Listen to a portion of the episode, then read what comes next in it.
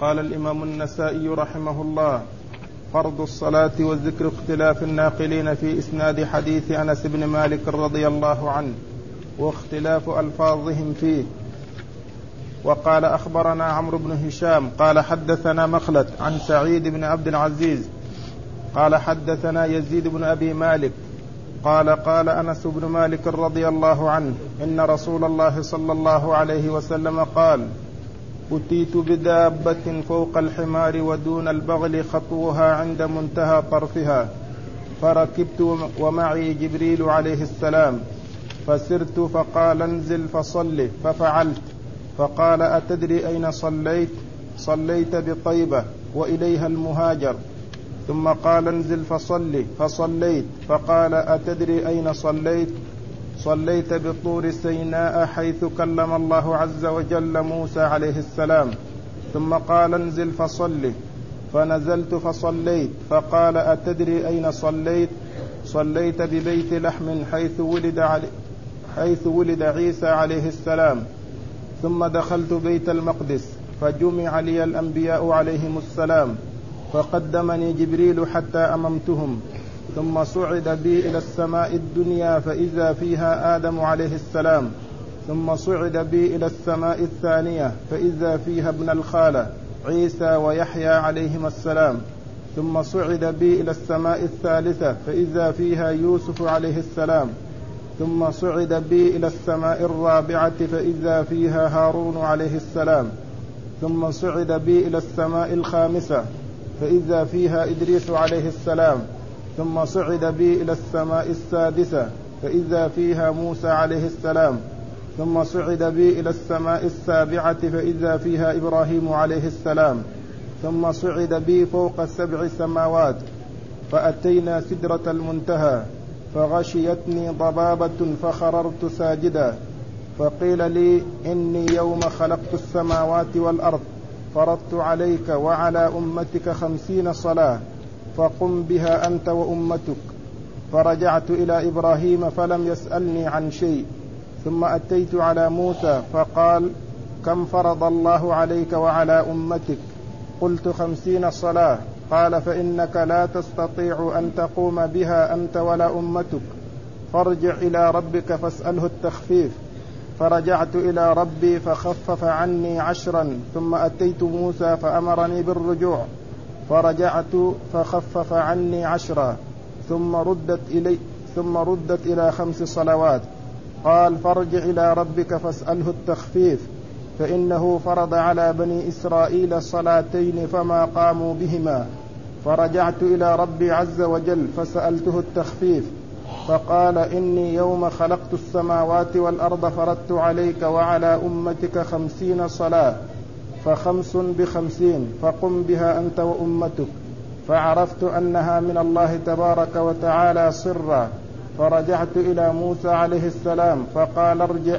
فعرفت أنها من الله سرا أي حتم فلم أرجع. بسم الله الرحمن الرحيم. الحمد لله رب العالمين. وصلى الله وسلم وبارك على عبده ورسوله نبينا محمد وعلى آله وأصحابه أجمعين. أما بعد فالترجمة كما عرفنا من قبل فرض الصلوات الخمس واختلاف الرواة في إسناد حديث أنس بن مالك واختلاف ألفاظهم فيه. وقد مر في الدرس الفائت بعض الروايات لحديث أنس بن مالك رضي الله تعالى عنه في قصة الإسراء والمعراج.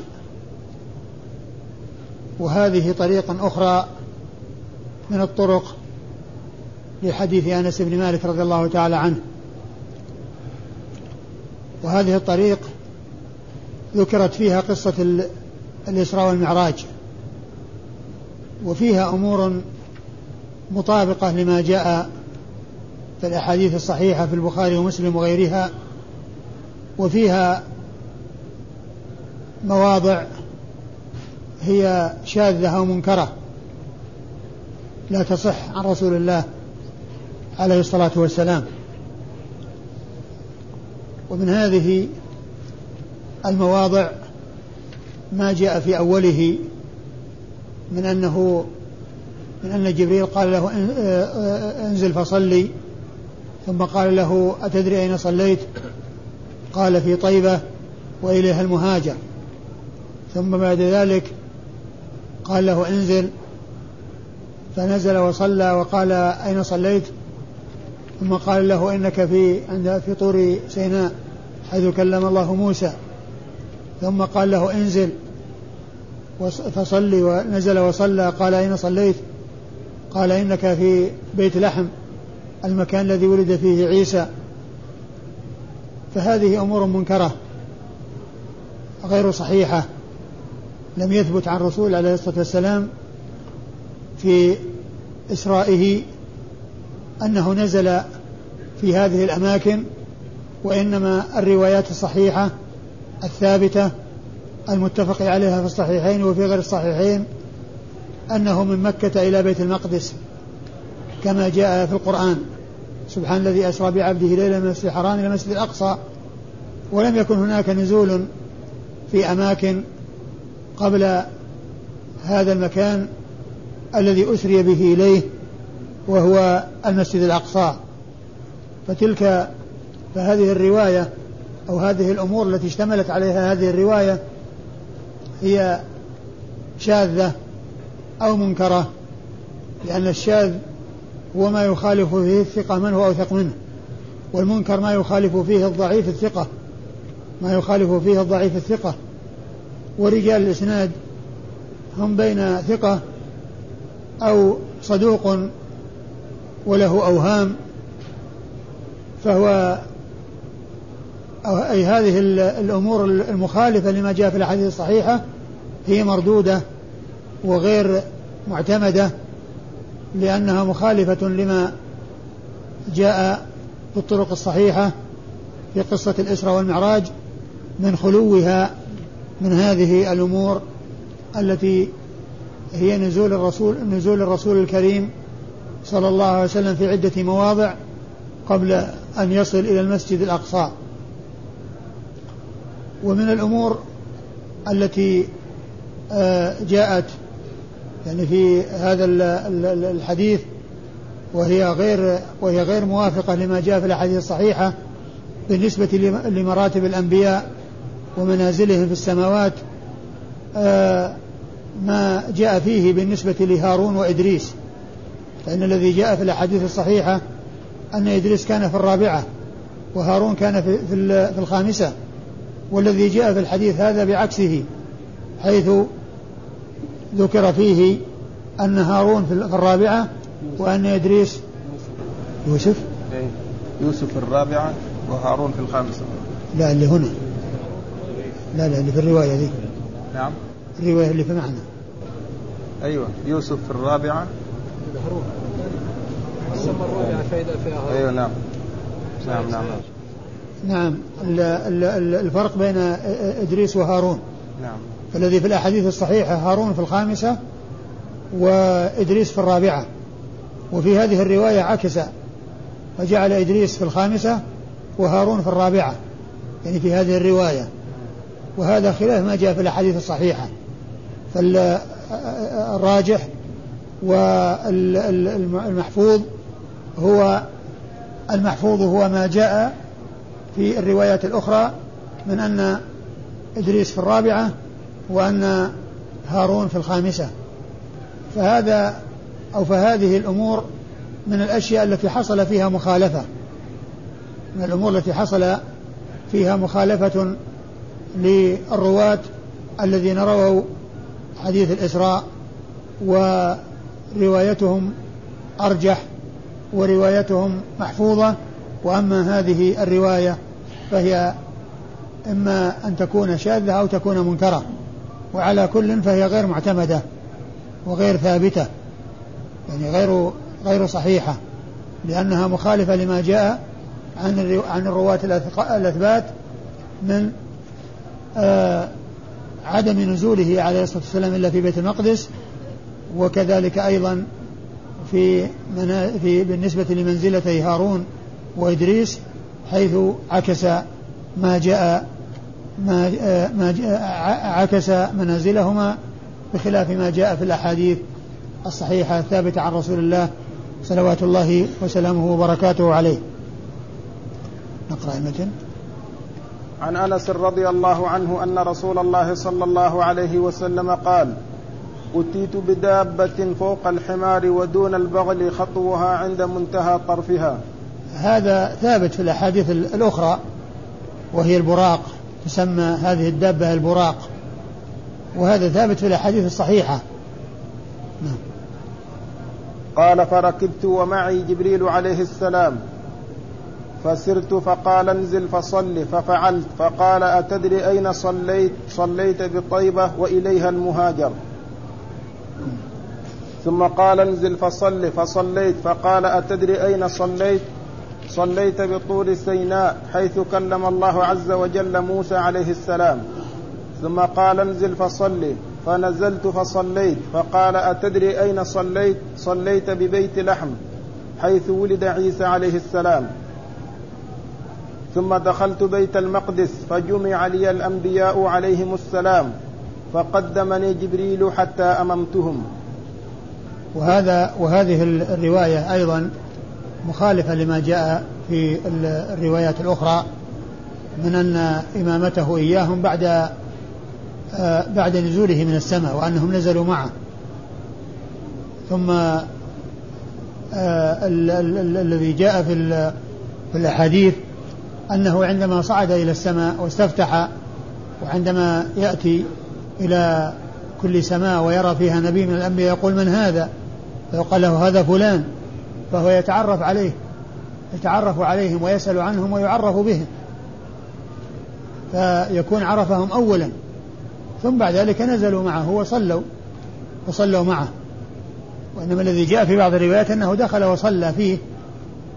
يعني في لكن ليس إماما للأنبياء وإنما وقد جاء في بعض الروايات كهذه الرواية لكن المحفوظ والأرجح هو أن إمامته إياهم بعد نزوله لأن التعرف عليهم كان قبل ذلك حيث كان يسأل عندما يأتي كل سماء ويرى نبي فيقال له هذا فلان ابن فلان فيرحب به ويدعو له.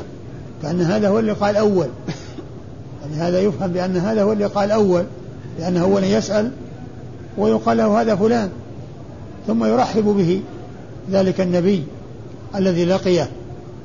نعم. قال ثم صعد بي إلى السماء الدنيا فإذا فيها آدم عليه السلام. ثم صعد بي إلى السماء الثانية فإذا فيها ابن الخالة عيسى ويحيى عليهما السلام. ثم صعد بي إلى السماء الثالثة فإذا فيها يوسف عليه السلام. ثم صعد بي إلى السماء الرابعة فإذا فيها هارون عليه السلام. ثم صعد بي إلى السماء الخامسة فإذا فيها إدريس عليه السلام.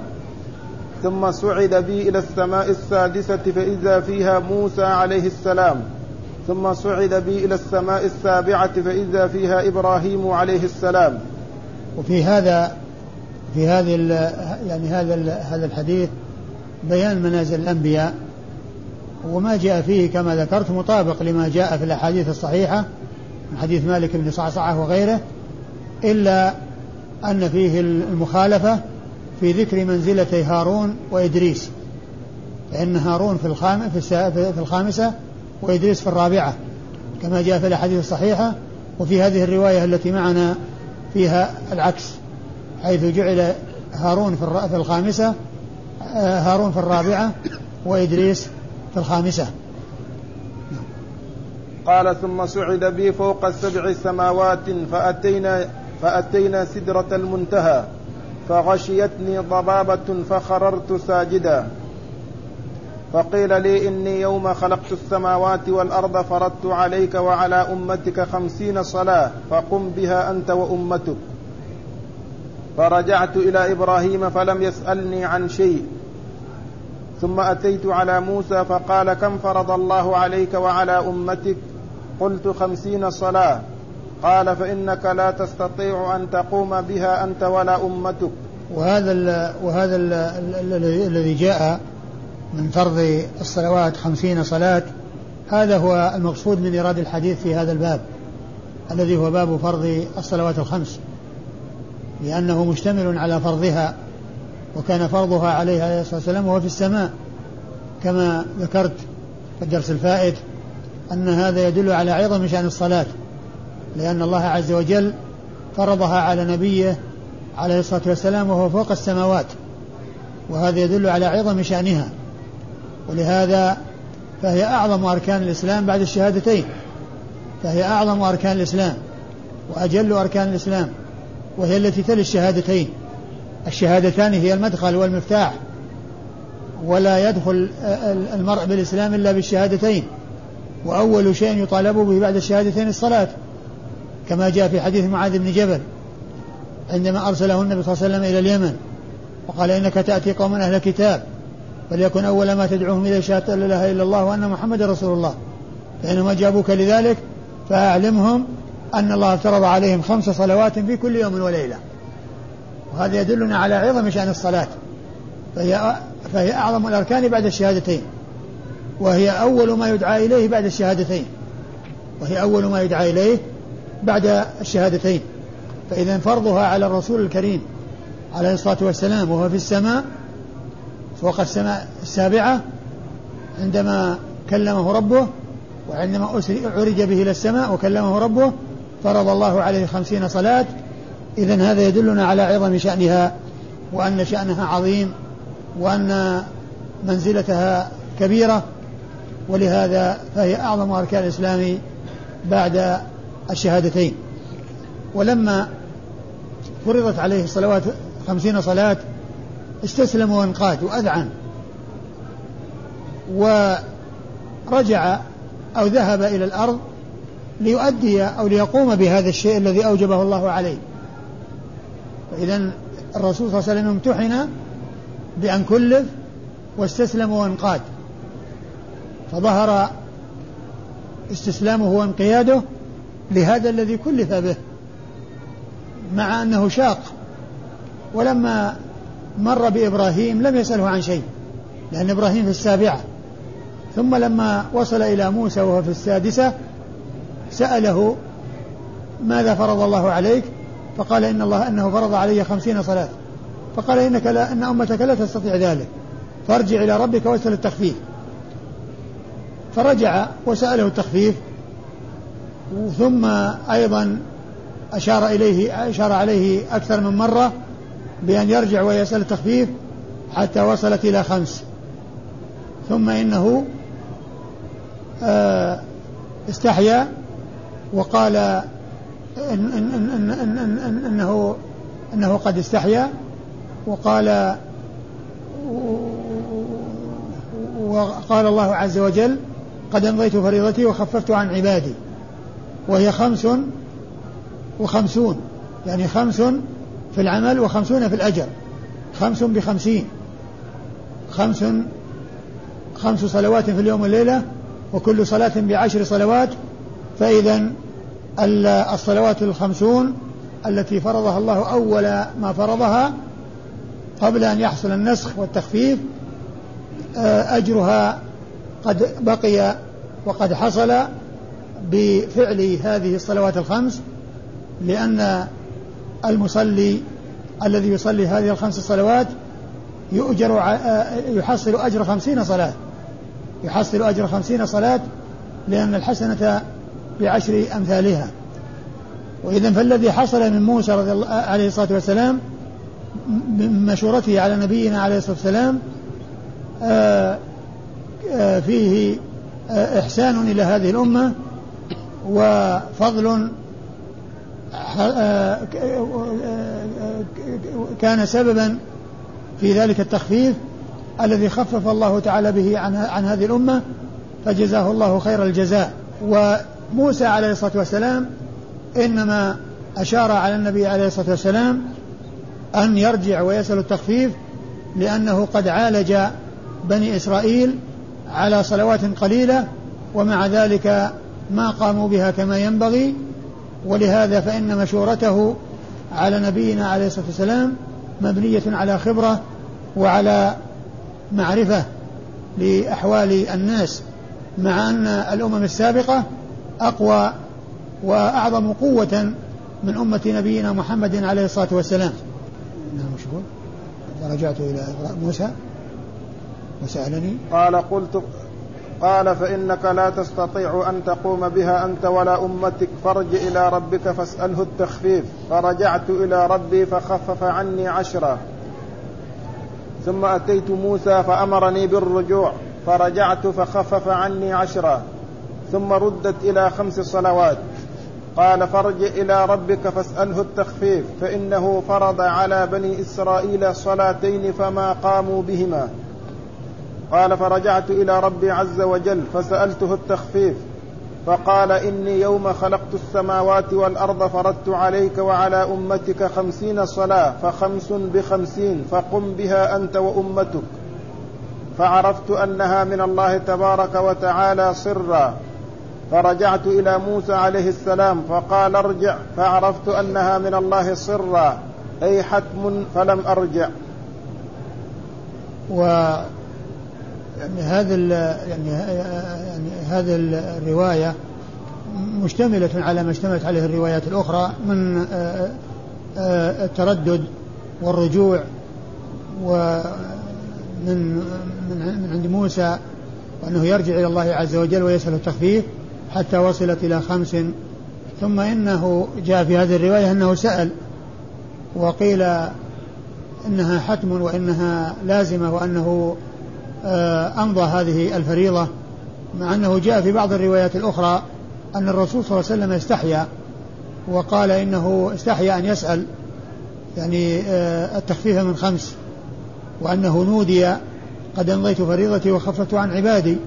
وفي هذه الرواية أنه رجع وطلب التخفيف من الخمس وطلب التخفيف من الخمس وهذا مخالف لما جاء في الروايات الأخرى من أنه قال إني استحييت وأنه نودي فقيل له إنني قد أمضيت فريضتي وخففت عن عبادي. نعم الحديث. قال أخبرنا عمرو بن هشام. يقول النسائي أخبرنا عمرو بن هشام. إسناد الحديث يقول النسائي أخبرنا عمرو بن هشام. وعمرو بن هشام هو الحراني وهو ثقة خرج له النسائي وحده. ثقة خرج له النسائي وحده. أخبرنا مخلد ومخلد بن يزيد القرشي الحراني. وهو وهو صدوق له أوهام. وقد خرج حديثه أصحاب الكتب الستة إلا الترمذي. خرج حديثه أصحاب الكتب الستة إلا الترمذي. فهو صدوق له أوهام. وقد يكون هذا وقد يكون هذا الذي في الحديث من أوهامه. هذا الذي في الحديث من الخطأ ومن مخالفة الثقات قد يكون ذلك من أوهامه. نعم. عن سعيد بن عبد العزيز. عن سعيد بن عبد العزيز الدمشقي. سعيد بن عبد العزيز الدمشقي وهو ثقة؟ نعم. أو صدوق؟ هو يقول ثقة إمام سواه أحمد. وهو نعم. وهو ثقة إمام خرج له البخاري في الأدب المفرد ومسلم وأصحاب السنن الأربعة. قال حدثنا يزيد بن أبي مالك. حدثنا يزيد بن أبي مالك. حدثنا يزيد ابن أبي مالك وهو صدوق ربما وهم. صدوق ربما وهم خرج له. أبو داود والنسائي وابن ماجه. وخرج له أبو داود والنسائي وابن ماجه. خرج له أبو داود والنسائي وابن ماجه.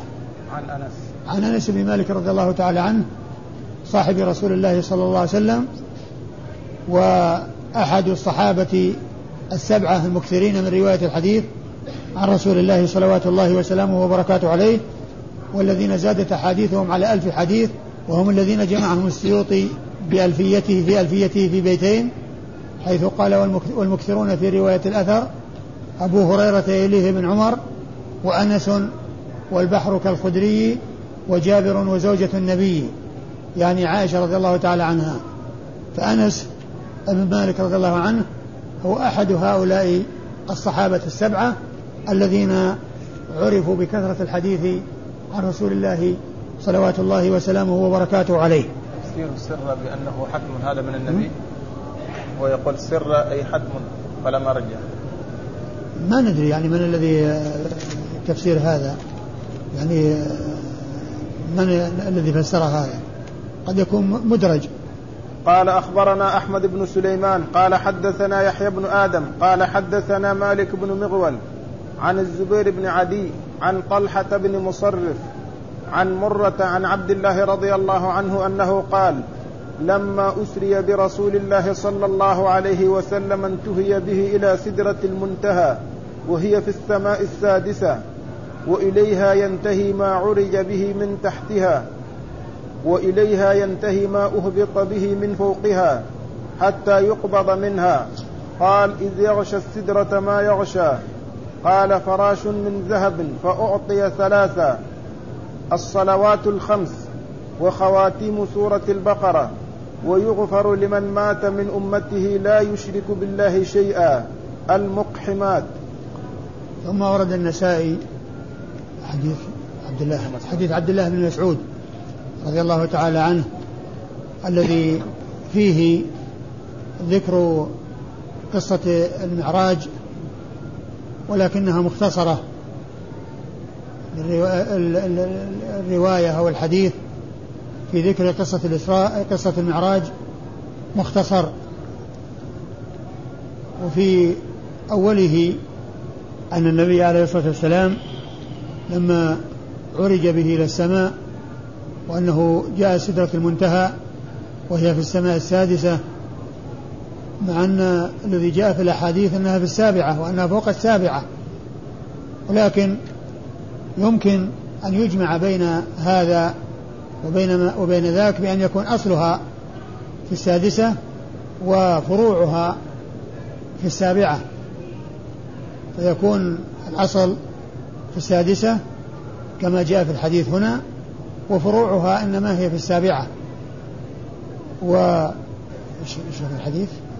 عن عبد الله قال لما أسري برسول الله صلى الله عليه وسلم انتهي به إلى سدرة المنتهى وهي في السماء السادسة. انتهي به إلى سدرة المنتهى وهو انتهى إلى سدرة المنتهى. وفي الحديث أنها في السادسة وفي الرواية الأخرى أنها في السابعة أو فوق السابعة ويمكن الجمع بين ذكرت بأن أصلها في السادسة وفروعها في السابعة. قال وإليها ينتهي ما عرج به من تحتها وإليها ينتهي ما أهبط به من فوقها. وهذا يوضح وهذا يوضح أن أن أن, أن, أن أنها هي المنتهى ولو كانت أنها في السادسة ويكون الانتهاء في السادسة يعني معناه يوصل ما يوصل إلى السابعة. ما يوصل إلى السابعة ولكن المقصود من ذلك فروعها. يعني الانتهاء أقول آه، آه، ما ينتهى إليه هي الفروع. وليس الأصل الذي آه، يحمل على تحمل الرواية على أنه كان في السادسة. لأن قوله يعني إليه ينتهي يعني ما يصعد ويعني وما ينزل إنما هو في عند سدرة المنتهى. يعني لو كانت إنها في السادسة ما كيف يوصل إلى الرابع السابعة؟ وكيف وصل إلى السابعة؟ مع أنه تجاوز السابعة. ثم أتى سدرة المنتهى. يعني بعدما تجاوز السابعة. وإذا فالمراد بذلك أن الأصل في السادسة والفروع إنما هي في السابعة أو فوق السابعة. قال إذ يغشى السدرة ما يغشى. قال فراش من ذهب. فأعطي ثلاثة.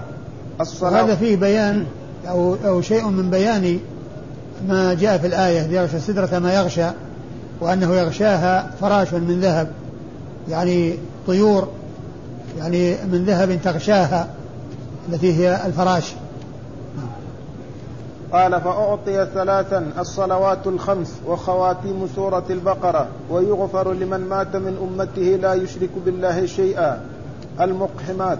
فأعطي ثلاثا الصلوات الخمس وهذا هو محل الشاهد من إيراد الحديث لأن الصلوات الخمس فرضت عليه وهو عند سدرة المنتهى. وأوحى الله عز وجل إليه ما أوحى وفرض عليه خمسين صلاة. وهذا هو محل الشاهد.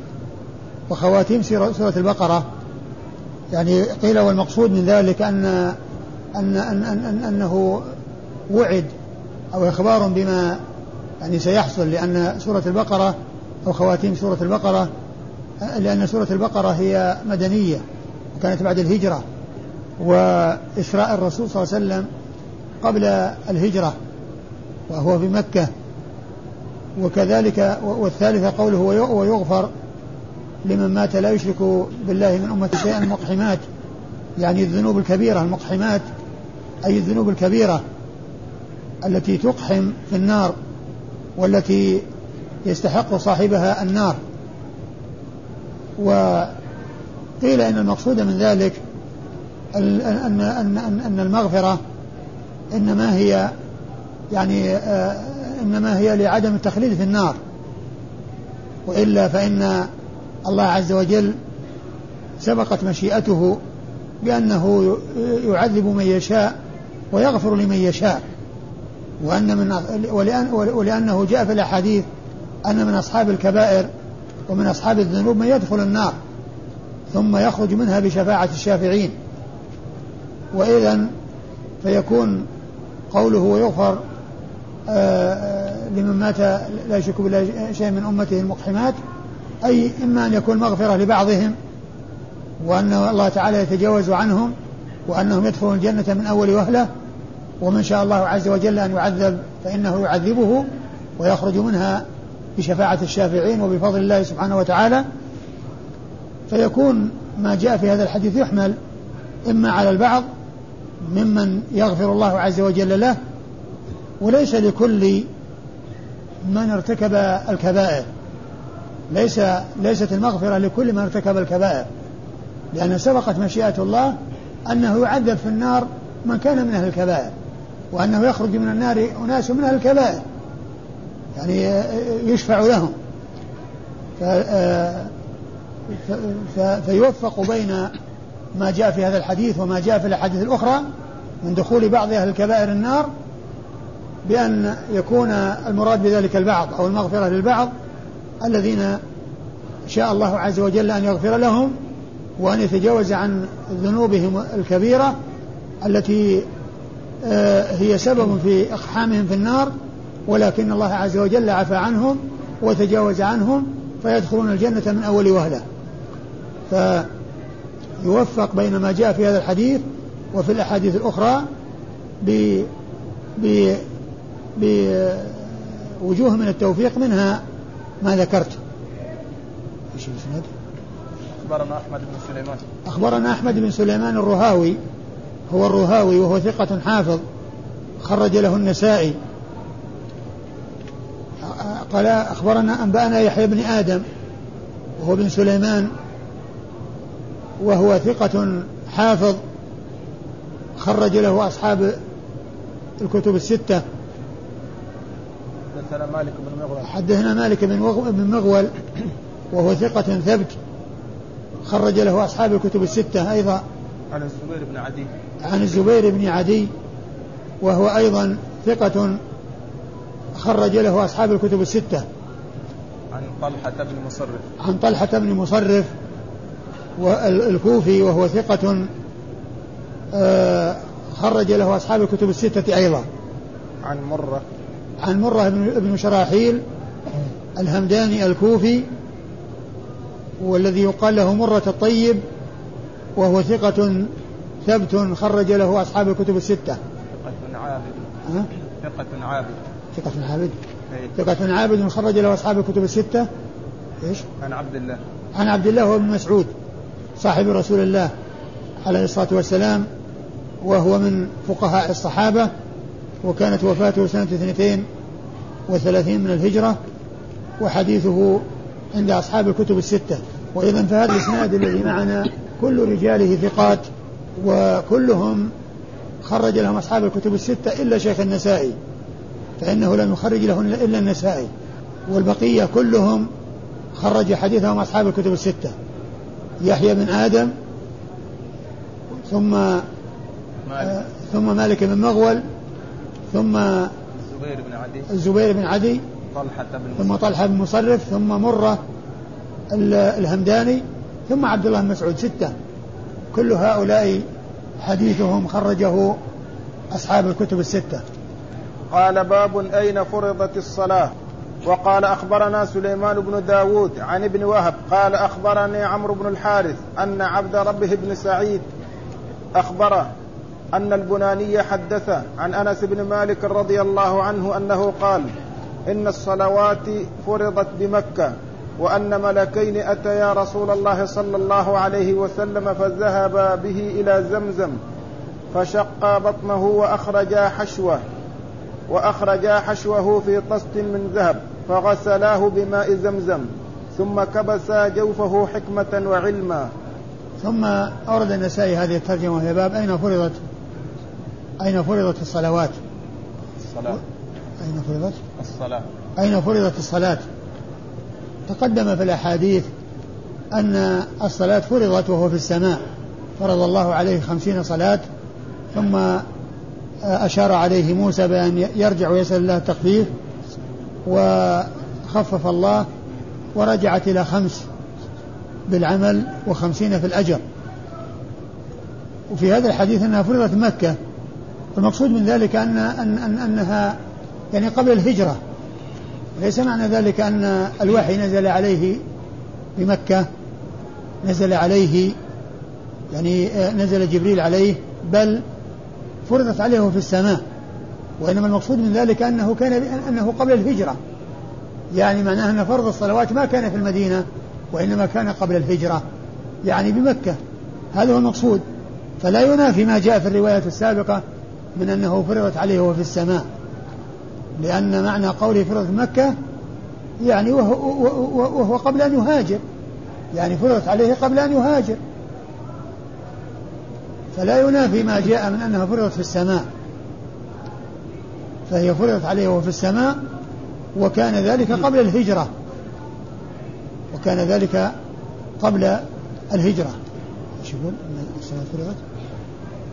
عن أنس بن مالك رضي الله عنه قال إن الصلوات فرضت بمكة نعم.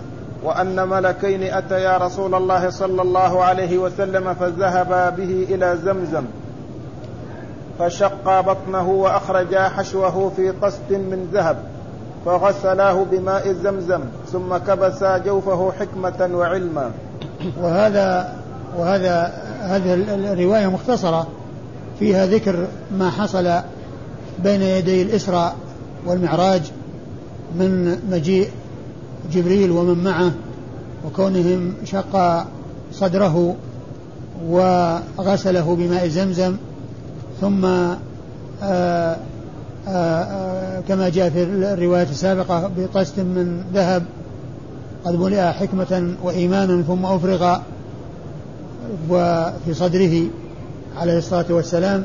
وهنا جاء فيه ذكر يعني هذا يعني هذا الموضع أو هذا المقطع من قصة الإسراء والمعراج. وذكر فيه فرض الصلوات الخمس وأنه, وأنه كان بمكة يعني قبل أن يهاجر إلى المدينة. هذا هو المقصود من ذلك. إيش الإسناد؟ قال أخبرنا سليمان بن داود. قال أخبرنا سليمان بن داود وهو أبو الربيع المصري. وهو ثقة خرج له أبو داود والنسائي. عن ابن وهب. عن ابن وهب وهو عبد الله ابن وهب المصري وهو ثقة خرج له أصحاب الكتب الستة. أخبرني عمرو بن الحارث. أخبرني عمرو بن الحارث وهو أيضا المصري وهو ثقة خرج له أصحاب الكتب الستة. أن عبد ربه بن سعيد. أن عبد ربه بن سعيد أخبره. أخبره أن أن, أن البناني حدثه. أن البناني حدثه وعبد ربه بن سعيد هو الأنصاري وهو ثقة خرج له أصحاب الكتب الستة وهو أخو يحيى بن سعيد الأنصاري المشهور الذي يأتي ذكره كثيرا في الروايات. يحيى بن سعيد الأنصاري التابعي من صغار التابعين. أخوه هذا أخوه الذي هو عبد ربه بن سعيد الأنصاري هو أخو يحيى بن سعيد الأنصاري. المدني. وعبد ربه هذا ثقة خرج له أصحاب الكتب الستة. والبناني. أخبرنا أخبر أن البناني أخبره. والبناني هو ثابت بن أسلم البناني. وهو ثقة خرج حديثه أصحاب الكتب الستة أيضا. عن أنس. عن أنس بن مالك رضي الله عنه. وهو صحابي الحديث. وقد مر ذكره وهذه إحدى روايات حديث أنس بن مالك رضي الله تعالى عنه. والله تعالى أعلم وصلى الله وسلم وبارك على عبده ورسوله نبينا محمد وعلى آله وأصحابه أجمعين.